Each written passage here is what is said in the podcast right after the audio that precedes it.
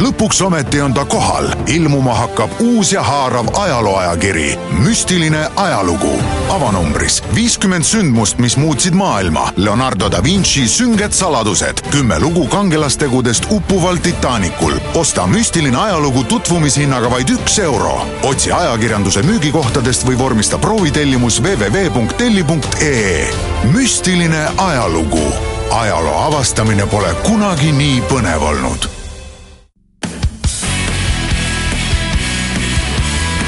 Delfi kiirtund. Delfi kiirtund, kiirtund. tere tulemast, järjekordsesse Delfi kiirtunnis on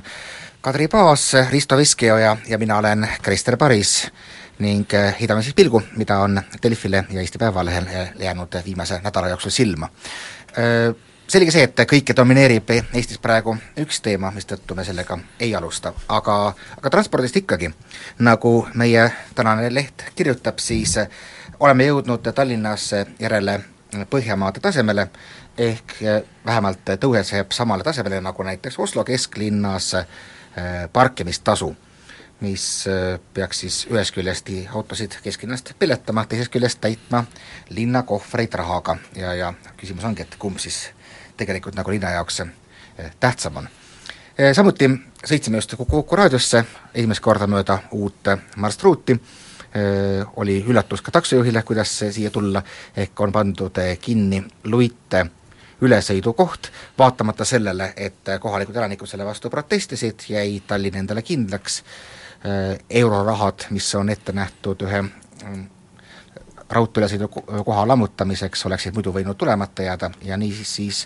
on nüüd üks võimalus raudteed ületada vähem ja peab sõitma ringiga mööda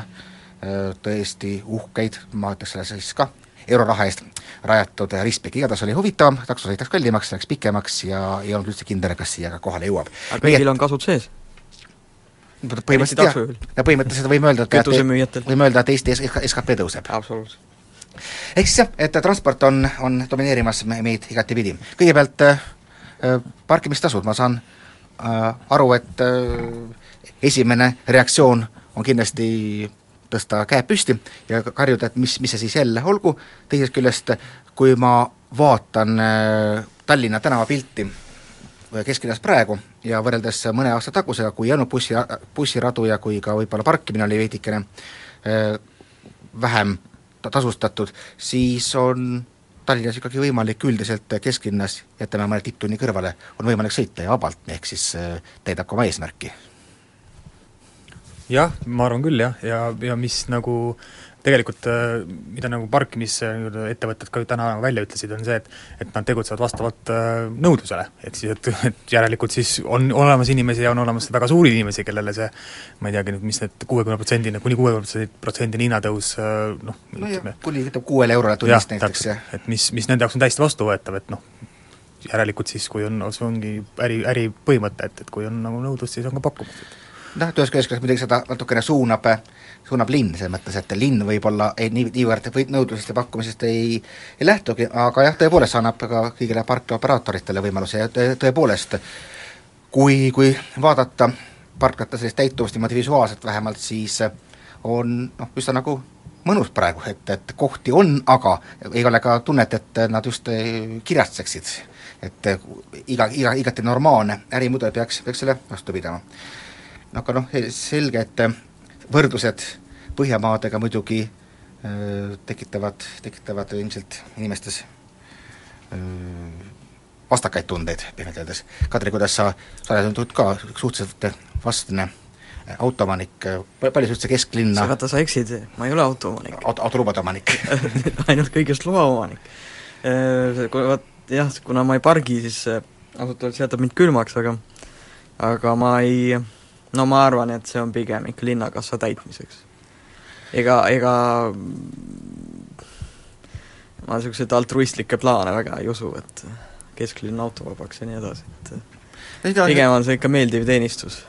eks siin hiljuti ju ka meie Päevaleht kirjutas skeemides, kuidas mm, kesklinn muuta selliseks noh, pigem ja autovabaks, kus piirata võib-olla kiirust kolmekümneni ja ehitada ilusasti välja jalakäijatele sõbralikumaks, aga, aga noh, esialgu on see kõigest niimoodi ilusad plaanid paberil, et, et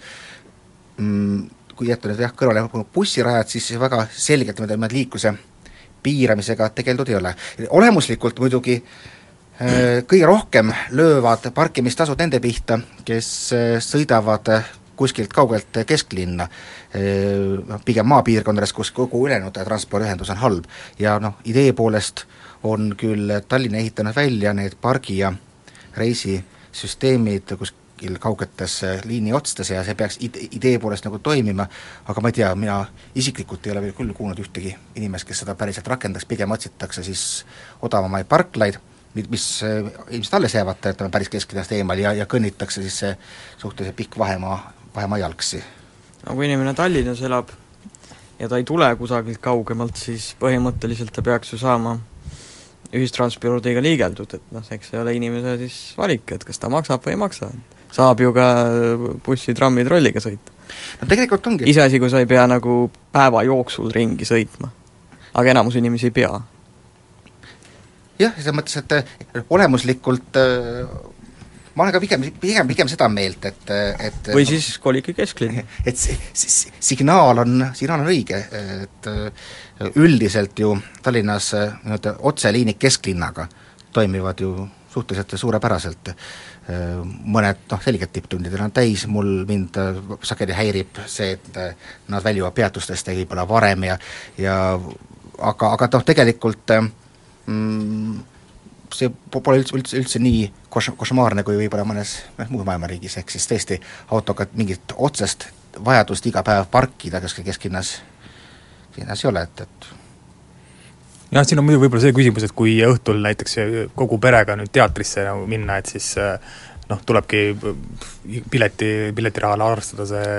see nagu parkimistasu otsa, et aga kas küll mingist kellaajast tasuta ei ole või? ei, see täiesti oleneb, aga põhimõtteliselt vanalinnas, kesklinnas ega ei ole küll, ei ole jah, see on just, et et ta on tasuta nende, nendes, nendes kohtades võib-olla, kus, kus on ka, tasud märksa väiksemad. ehk et jah, kuivõrd on tegemist parkimistasude näol just selle instrumendiga, et liiklusfookusi suunata, või kuivõrd ta lihtsalt nagu, nagu me näeme, ka kesklinnas ta katab ju järjest laiemat, laiemat ala pidevalt, et öö, tekib noh, et just varsti, varsti nagu puudubki nagu see suund, et ta suunas autosid kuskile mujale, kuskile kaugemale linnast välja, vaid et eh, anyway, kõik, kes umbes siia satuvad, on sunnitud siis oma kukrut kergendama. pigem oleks huvitav teada, kuhu see raha kulub. aa, sellest on meil täna õnneks Päevalehes ilusasti kirjutatud mm., muuhulgas tõuseb see lisaraha siis? noh, muuhulgas tõuseb näiteks ta ikkagi ka Tallinna Televisiooni eelarve mm., aga see võib tulla ka näiteks Kultuurikatla ja muu arvelt, kus, kus need rahad vähenevad Delfi kiirtund. Delfi kiirtund,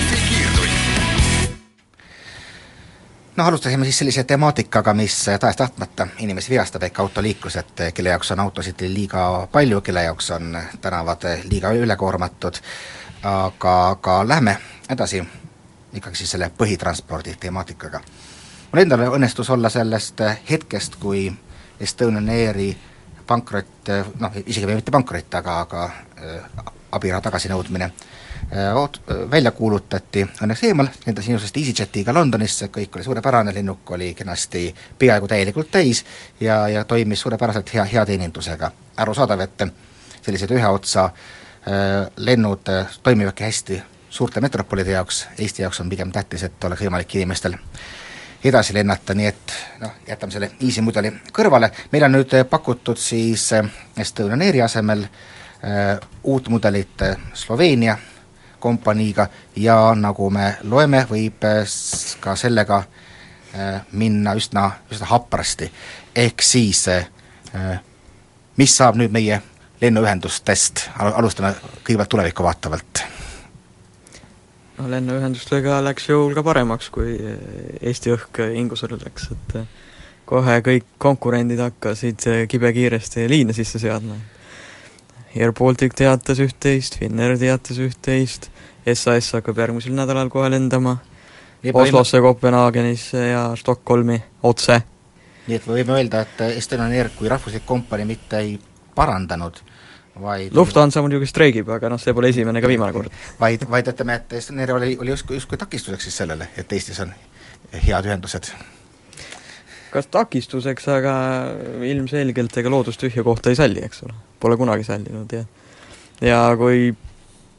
kui see olemasolev või, või uus riiklik lennukompanii jätkab samasuguse hinnapoliitikaga, siis ega see nelikümmend miljonit tuleb ikka ruttu ja see see on er, erakordselt suur raha ei ole lennunduses. nojah, kui me oleme vaadanud, et, et mis- praegusel hetkel on siis pandud äh, umbes sada kolmkümmend miljonit pandi enne, pandi enne siis Estonian Airi alla, Mhm, eks ole. täpselt.. et, et jah, et let-, no et su, nagu suurusjärkudest aru saada, siis äh, siin on juttu olnud, et vaat kui kallis on ehitada Haapsallu raudtee või sinna Rohukülani. et miskit kuuskümmend neli, kuuskümmend viis miljonit e. Estonian Airi kanti rahulikult sada kolmkümmend miljonit ja ja, ja asja ikka ei ole. pluss nelikümmend nüüd siis sinna Nordicusse. kui me mõtleme, kuidas näiteks mingite käibemaksu deklaratsioonidega kraabiti kokku vist umbes kahtekümmet ja nähti hirmsasti vaeva, et kuskilt raha kätte saada, siis mingi raha paistab olevat tõesti üsna, üsna kergesti põlev. et äh, on enne küsitud ja me küsime ka ja ma arvan, et ega mingit väga, väga selget vastust ei olegi, aga kuivõrd üldse peaks riik omama mingit äh, lennukompaniid, et noh, argumendid on, arusaadavad, kui on head ühendused, tulevad siia ärimehed, tuleb äh, siia sisse raha, ehk kui näita-, kui näitavad ka muud maailma kogemused, siis äh, üldiselt äh, ei, ei armasta mm, ütleme, suuräri pidada ühenduskohtadega, kus on väga palju ümberistumisi, puhtalt puht inimlik faktor mitte ainult, vaid väga palju aega läheb ka kaotsi, ehk siis otseühendused mingite keskustega on vajalikud. aga, aga ütleme, mis on need keskused, Brüsseliga on otseühendused nii ei no ma saan aru, põhiline mure oli ikka see, et sa hommikul saaks siit Tallinnast minema. ja selle probleemi nüüd kolme sihtpunktiga SAS lahendas. et kella seitsme, kuue, seitsme paiku läheb kolme siia lähedasse suurlinna, kust saab ka väga hästi edasi, nii. nüüd on küsimus, et kas see Nordic, Nordicul peab minu jaoks, minu kui tavakliendi jaoks olema mingisugune präänik, et et, et kui tal on kallim lennuhind, näiteks Stockholmi, et miks ma siis äh, peaksin valima ikkagi Nordicu, kui ma saan SAS-iga poole odavamalt. äkki tooks sulle šampus lauale? ei tooda. et ma, ma ka siin kuulasin seda Nordicu, kui nad andsid kohe peale selle,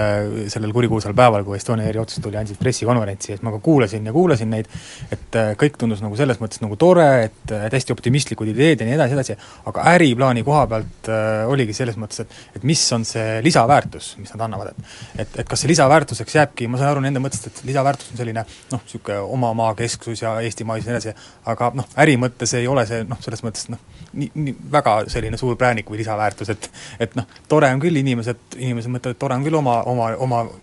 maateenuseid kasutada, oma firma teenuseid kasutada, aga lõppkokkuvõttes ikkagi noh, hind on ikkagi ju see üks väga suur kriteerium, mis, mis, mis nagu määrab selle ja ja kui siin see hind on ikkagi kaks-kolm korda nagu kõrgem kui konkurentidel, siis noh, see isamaalisus on paraku kiire kaduma, et ma ja pealegi me ju ei tarbi isamaalist teenust praegu mitte ühestki otsast. peale selle, et meil on eestlastest äh, juhatuse liikmed. ma saan aru jah, et, et isegi lennu, nimi on väga selline riiulifirma nimi. Ma saan aru et, et, et lennukid, mis praegu äh, veavad nii-öelda siis Estonian Airi asemel või Eesti riigi nimel inimesi, on äh, pehmelt öeldes kuskilt äh, kolmandast sahtlist välja õngitsetud. no vot jah, ei ole tarbinud seda teenust, et ei, ei, ei julge kiita ega kritiseerida, aga aga ütleme, aastanumbrid ja aastaarvud ja need ettevõtete päritolu ja taust nagu väga palju lubav ei ole jah, kahjuks. ühesõnaga, Need, kes praegu lendavad. Mis on, mis on üldse nagu see peamine äh, ratsionaalsus, millega on siis Eesti riik ikkagi nagu põhjendanud äh, noh, sel-, sellist, sellist sammu ja, ja nii kiiresti, et tu- tulla ka kohe välja, ma saan aru, et oli, oli natuke aega nagu ettevalmistamiseks äh, ja aga ka nagu era, erainvestorite äh, leidmine on hetkel takerdunud. mis sai In- Infortarist, miks, miks ei ole sellest äh, uhkest plaanist asja saanud, et ma, ma usuksin väga, kui oleks kolmandik erainvestorit, ütleme üks selline suur, ütleme kolmandik börsi äh, aktsiaid ja kui siis need inimesed oleks nõus oma raha sinna alla panema, siis ma ei, ma ei kahtleks, et, et ka riik võib teoreetiliselt, kui ta, ta arvab, et äh, peab olema riigil oma mingi osalus seal kaasa lööma. no Kauppalehti kirjutab täna Finnairi kohta sellise uudise, et ähm, British Airways tahaks Finnairi ära osta.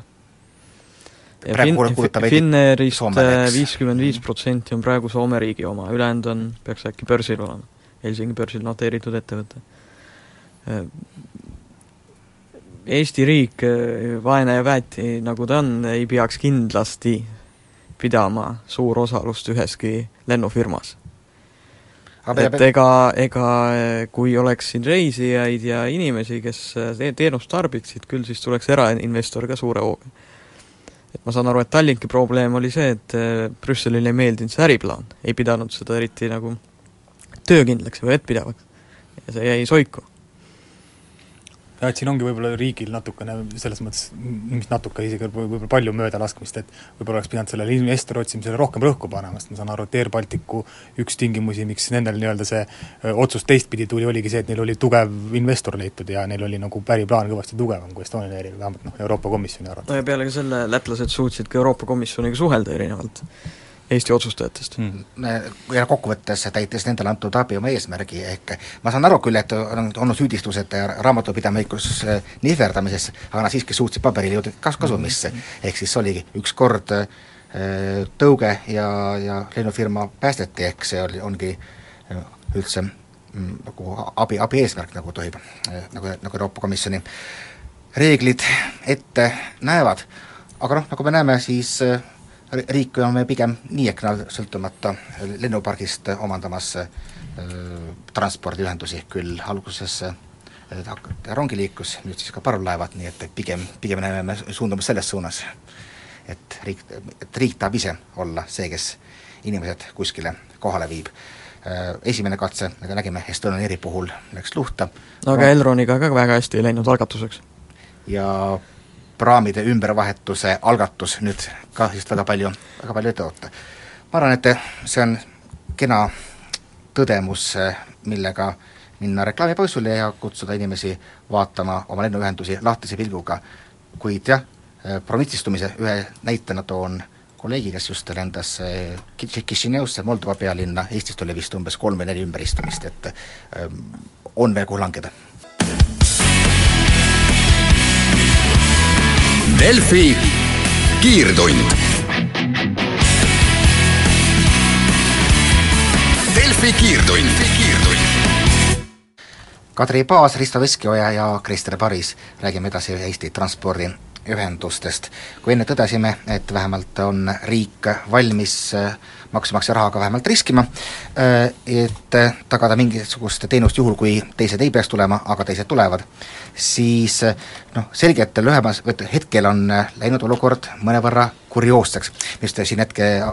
arutasime, kui tahta sõita näiteks Peterburi, siis on võimalik sõita rongiga, mis läheb seitse tundi, aga pa-, palju huvitavam on minna läbi Helsingi ja sealt on kombineeritud Finnairi poolt siis lennuühendus koos Allegro kiirrongidega. nii et see näitab, et maailmas on paindlikkust päris palju. küll aga selliste suurte skeemide ja rahanumbrite juures äh, on ikkagi ka, ka inimesed, praegu just Delfis on üleval artikkel, mis juhib tähelepanu, et need, kes olid kunagi lootnud Estonian Airiga koju saada, ennekõike noored inimesed, neil võib minna päris raskeks, oled kuskil välismaal kinni, sa pead ostma uue pileti, mis selge see, et maksab praegu kordades rohkem, Estonian Airi pileti eest saad raha tagasi kunagi paari kuu pärast alles, ehk vabalt võib juhtuda, et tagasilend kulgeb ööbimistega mitmetes lennujaamades. Ja, ja päris ootamatu väljaminekuga, ehk siis mis ma oskan öelda tudengi kohta, käsi iiali vanemate juurde, kui, kui, kui muu ei aita. aga ka tegelikult räägime Estonian Airi töötajatest, see, kuidas on kommunikeeritud ja vist ka tõesti üritatakse mitte maksta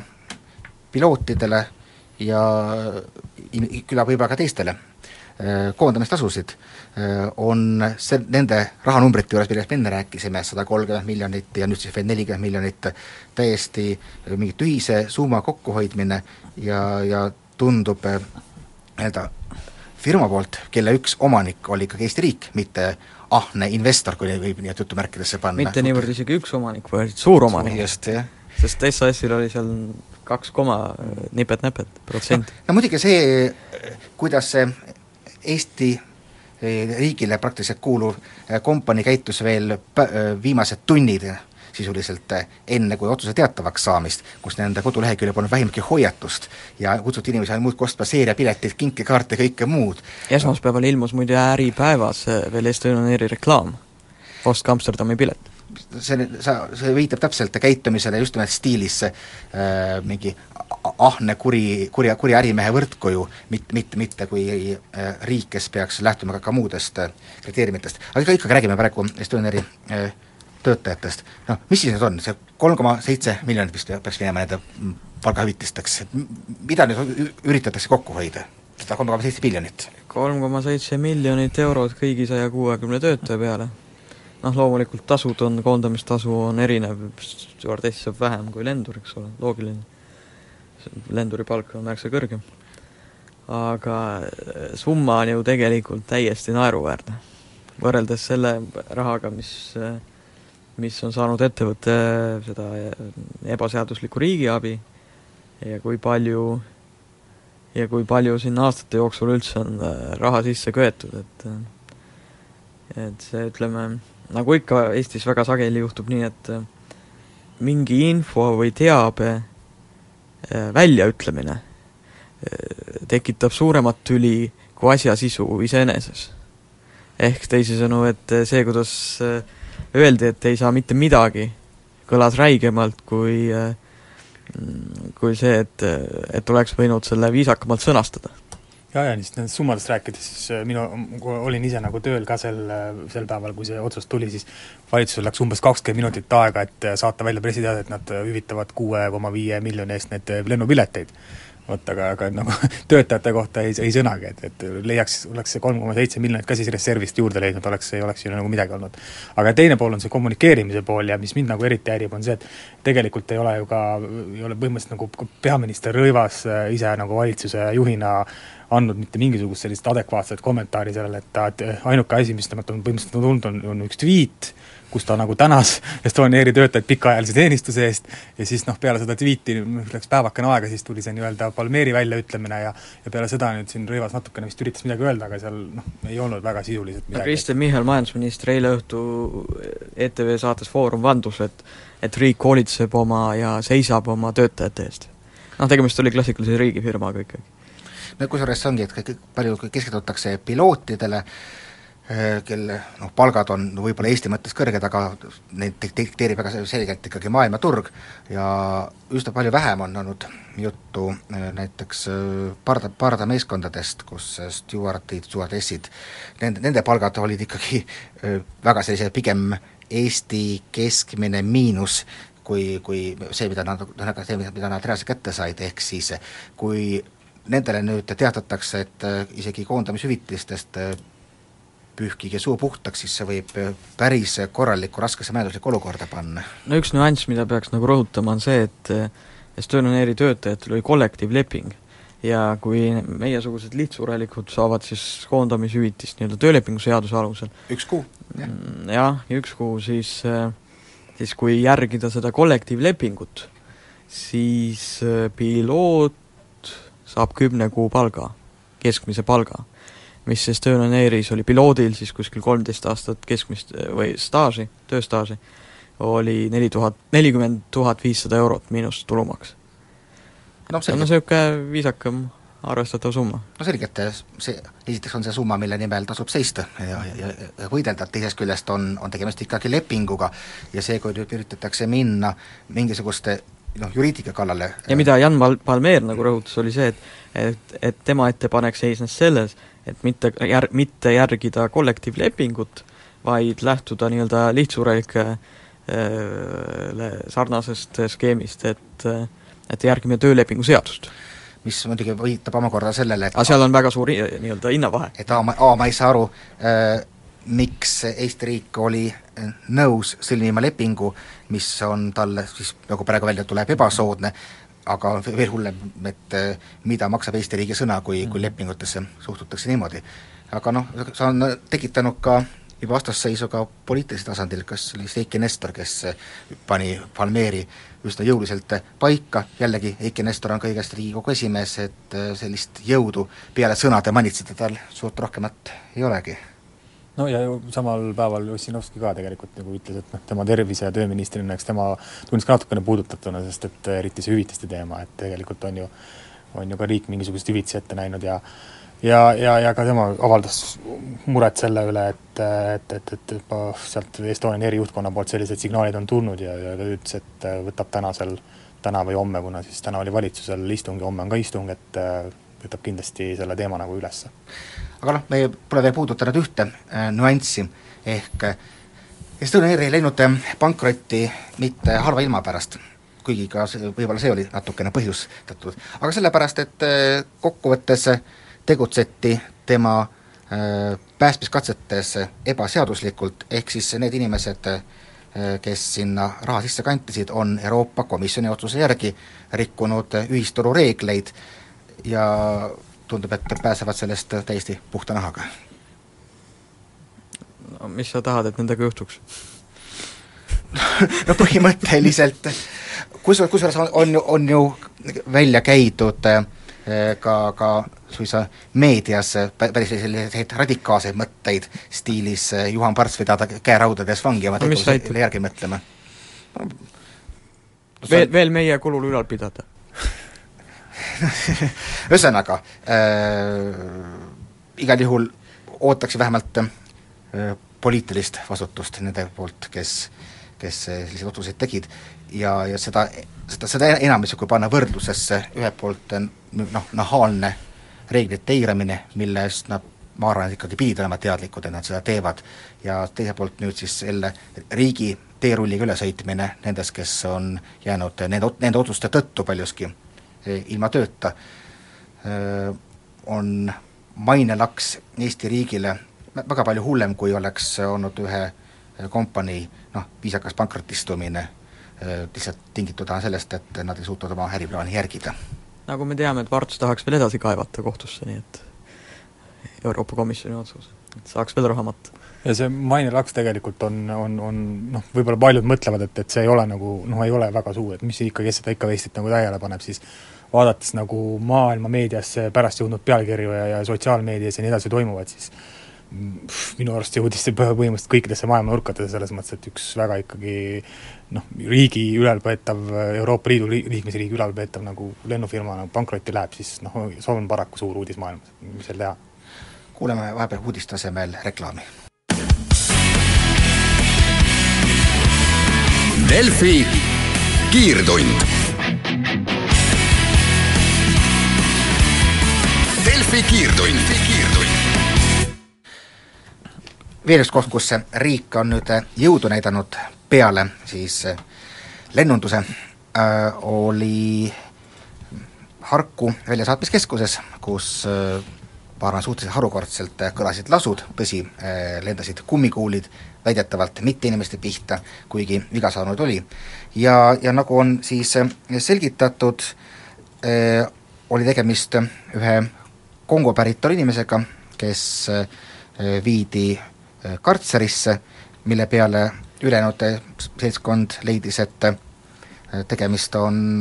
liigse võib-olla ka jõu kasutamisega või ühesõnaga neile see ei meeldinud, ja nad korraldasid istumistreigi, mille peale kutsuti lõpuks kohale tugevdatud üksused. Ja, ja siis nii-öelda käidi jõuga inimestest üle ja suruti nad oma kambritesse ja paar tüük-, paar inimest ilmselt ootab veel ka üldse pikemaajalisem karterisse saatmine. See on nüüd äh, seisukoht, mida oleme kuulnud riigi poole pealt, vaatan just ka siseminister Hanno Pevkur on äsja öelnud, et äh, politsei kasutas tema meelest jõudu õigustatult,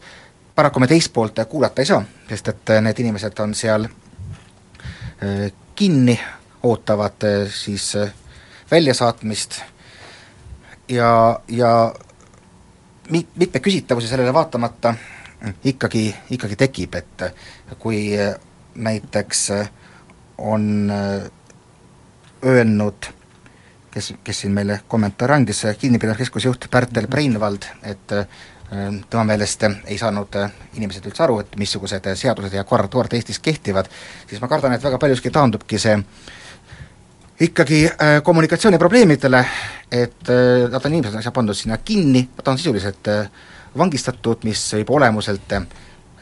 lööb üles inimestes nii adrenaliini kui, kui ka lihtsalt tekitab agressiooni ja, ja kui siis mingi hetk nad ei saagi aru, mis, mis sünnib, siis on sellise konfliktide kärmed tekkima. et Risto, sa natuke selle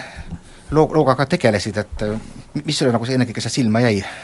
Jah, ega see, nagu sa ütlesid, et eks ma nagu arvangi, et, et, et selle pinnalt need asjad nagu tekivadki, et eks seal on frustratsioon võib-olla sellele kongolasele tahti, taheti anda kätte kohtumäärus, mis, mis ütles, et oma siinoleku aega on pikendatud, on ju, et, et loomulikult eks keegi ei taha sellist otsust endale kätte võtta. kuigi jah, talle väidetavalt selgitati seda, et et see otsuse kättevõtmine ei tähenda seda, et sa sellega nõus oled, sa võid seda edasi kaevata. Aga sellistes olukordades et noh, selles mõttes raske öelda nagu mis, milline see õhkkond seal oli, et noh, noh, politsei väidab, et see õhkkond nagu järjest nagu pingestus ja seal inimesed muutusid agressiivsemaks ja nii edasi, edasi, no teistpidi noh, kui, kui nagu fa-, faktiliselt on, on ka öeldud, et nagu inimesed istusid ja protestisid, on ju, et noh, siis noh, endale kuidagi vaimusilmas kujutad ette, et sellised rahumeelsed inimesed või noh, võib-olla teevad natuke kõvemat häält, on ju, istuvad ja natuke kõvemini räägivad, et noh, kas siis just, just peaks nagu eriüksust kasutama, et et eks see on selline nagu natuke raske teema, aga aga mis, mis, siin on nagu selline, selles mõttes nagu laiem tähelepanek, mida ka nagu Bernvart ise ütles, et et eks need äh, protsessid, mis on nagu Euroopas aset leidmas, eks siis eks ta peab silmas seda pagulase teemat, on nagu meieni ka jõudmas, et, et see keskus tegelikult on täis. ja, ja, ja, ja, ja noh, kui on nagu palju inimesi koos, et äh, teatavasti sellistel Aafrika riikidel ja Lähis-Ida riikidel on selline nagu rohkem niisugune kokkuhoidmise ja kokkukasvamise tunne ka ja et kui kõik ikkagi nii-öelda ühte oma, oma nagu kuidagi nagu represseeritakse nende arvates, siis astutakse selle eest nagu välja ka, et, et, et eks need nagu et siin on selline kultuuride natukene erinevus ja, ja, ja siis teiselt poolt ongi need no temperament on ikka vägevam. noh, täpselt. seda küll, aga teisest küljest muidugi, kui, kui ka näiteks vaadata sõnavõtte Breivaldsi poolt, kus ta umbes kirjeldas, et tegemist on, oli noh, moslemitega, kes hoiavad omavahel natuke rohkem kokku, siis no mina olen näiteks täna rääkinud inimestega, kes ka tegelevad äh, pagulastega ja ütlevad, et juba, juba, juba selline määratlus on üsna äh, meelevaldne ja näitab, kuivõrd on kommunikatsiooniprobleem mõlemapoolne. et eh, selge see, et usulised tunded on eh, moslemite pigem tugevamad kui ütleme, kristlikust kultuuriruumidest pärit inimestel üldjuhul, aga kui juba mõelda, et mis on eh, ühist, ütleme näiteks minul ja malaislasel, kui pannagi, et selleks on näiteks kristlik usk, siis ma kardan, et väga paljude jaoks selles keskuses toimub midagi samasugust. ehk siis ikkagi ja teine, teine äh, teema, mida olen ma ka kuulnud, ma loodan, et selle saate homme lugeda Eesti Päevalehest ka, ka lähemalt, puudutab keskuses valitsenud üldist õhkkonda, see ei ole mitte see ühekordne maas istumine, kus pinged muudkui tõusid, vaid et äh, ka need inimesed seal ei, ei tunneta, et nendesse suhtutakse piisava äh, siiski austusega, sest et tegemist ei ole kurjategijatega, jah, nad, nad on vanglasarnastes tingimustes, väidetavalt isegi mõned seal koos oma lastega, ja nad võib-olla ootavad väljasaatmist, aga nad ei ole kurjategijad, ehk nendesse peab suhtuma siiski nii, et nende eneseväärikust väga ei, ei alandata. Ja ütleme siis kummikuulide kasutamine, isegi kui need lasti inimestest mööda, on väga selline jõhker jõu näitamine, ma lihtsalt toon nagu endale meelest ühe näite, äh, enda, enda kogemusest näite, kui ma kaks tuhat kuus olin äh, Valgevenes kajastamas äh, presidendivalimisi, siis pärast jäi sinna väljakule umbes paarisajast demonstrandist koosnev nii-öelda väikene telklaager, kus inimesed olid ka, enamik istus maas, osad hoidsid niimoodi kätes kinni, olid ümber laagri. Ja noh, lõpuks pärast mitmendat päeva lõpuks Valgevene miilits läks peale ja viis demonstrandid minema, aga ma ei kujutaks ette, et sel hetkel oleks kasutatud näiteks isegi õhku tulistamist kummikuulidest, et isegi äh, ja noh, olukord oli, ma nende kirjelduste põhjal üsnagi sarnane, ehk istumistreik on ikka istumistreik. et kui nad su korraldustele ei, ei allu, siis on ilmselt võimalik muuhulgas ka näiteks rohkem veidi ikka oodata. no ma tegelikult tean, et politseil kehtib sellistel puhkudel pool põhimõte, et äh, tuleb kasutada sundi nagu sellisel moel, et et see nii-öelda äh, õigusrikkumine või, või see meede nagu saavutatakse, aga samal ajal, et nagu see kahju oleks võimalikult nagu väike, et noh, selle valgus tegelikult kui nagu mõelda, et noh, kui tõesti need inimesed seal niisama nagu istusid, siis või noh, noh see su-, see sunni kasutamine oli võib-olla tõesti nagu ülemäärane. nii, nii palju kui olen aru saanud, siis see sund äh, võis vabalt laieneda, ehk siis nii-öelda haiget võisid saada ka inimesed, kes selles ei osalenud? jaa, sest seal oli teine plokk, kes olid nii-öelda rahumeelsed, kes selles sündmuses osalenud, olid nagu täiesti noh, ühenduses, et, et, et nad oli, olid nagu noh, seal ei olnud nagu mingit selles mõttes nagu mingit olulist nagu takistust nende vahel, et et jah, et seal oli ka kolmandaid isikuid selle sündmuse mõttes, kolmandaid isikuid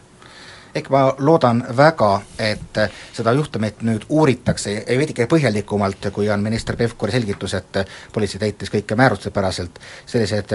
asju iseenesest ei tohiks juhtuda, iga kord, kui inimene saab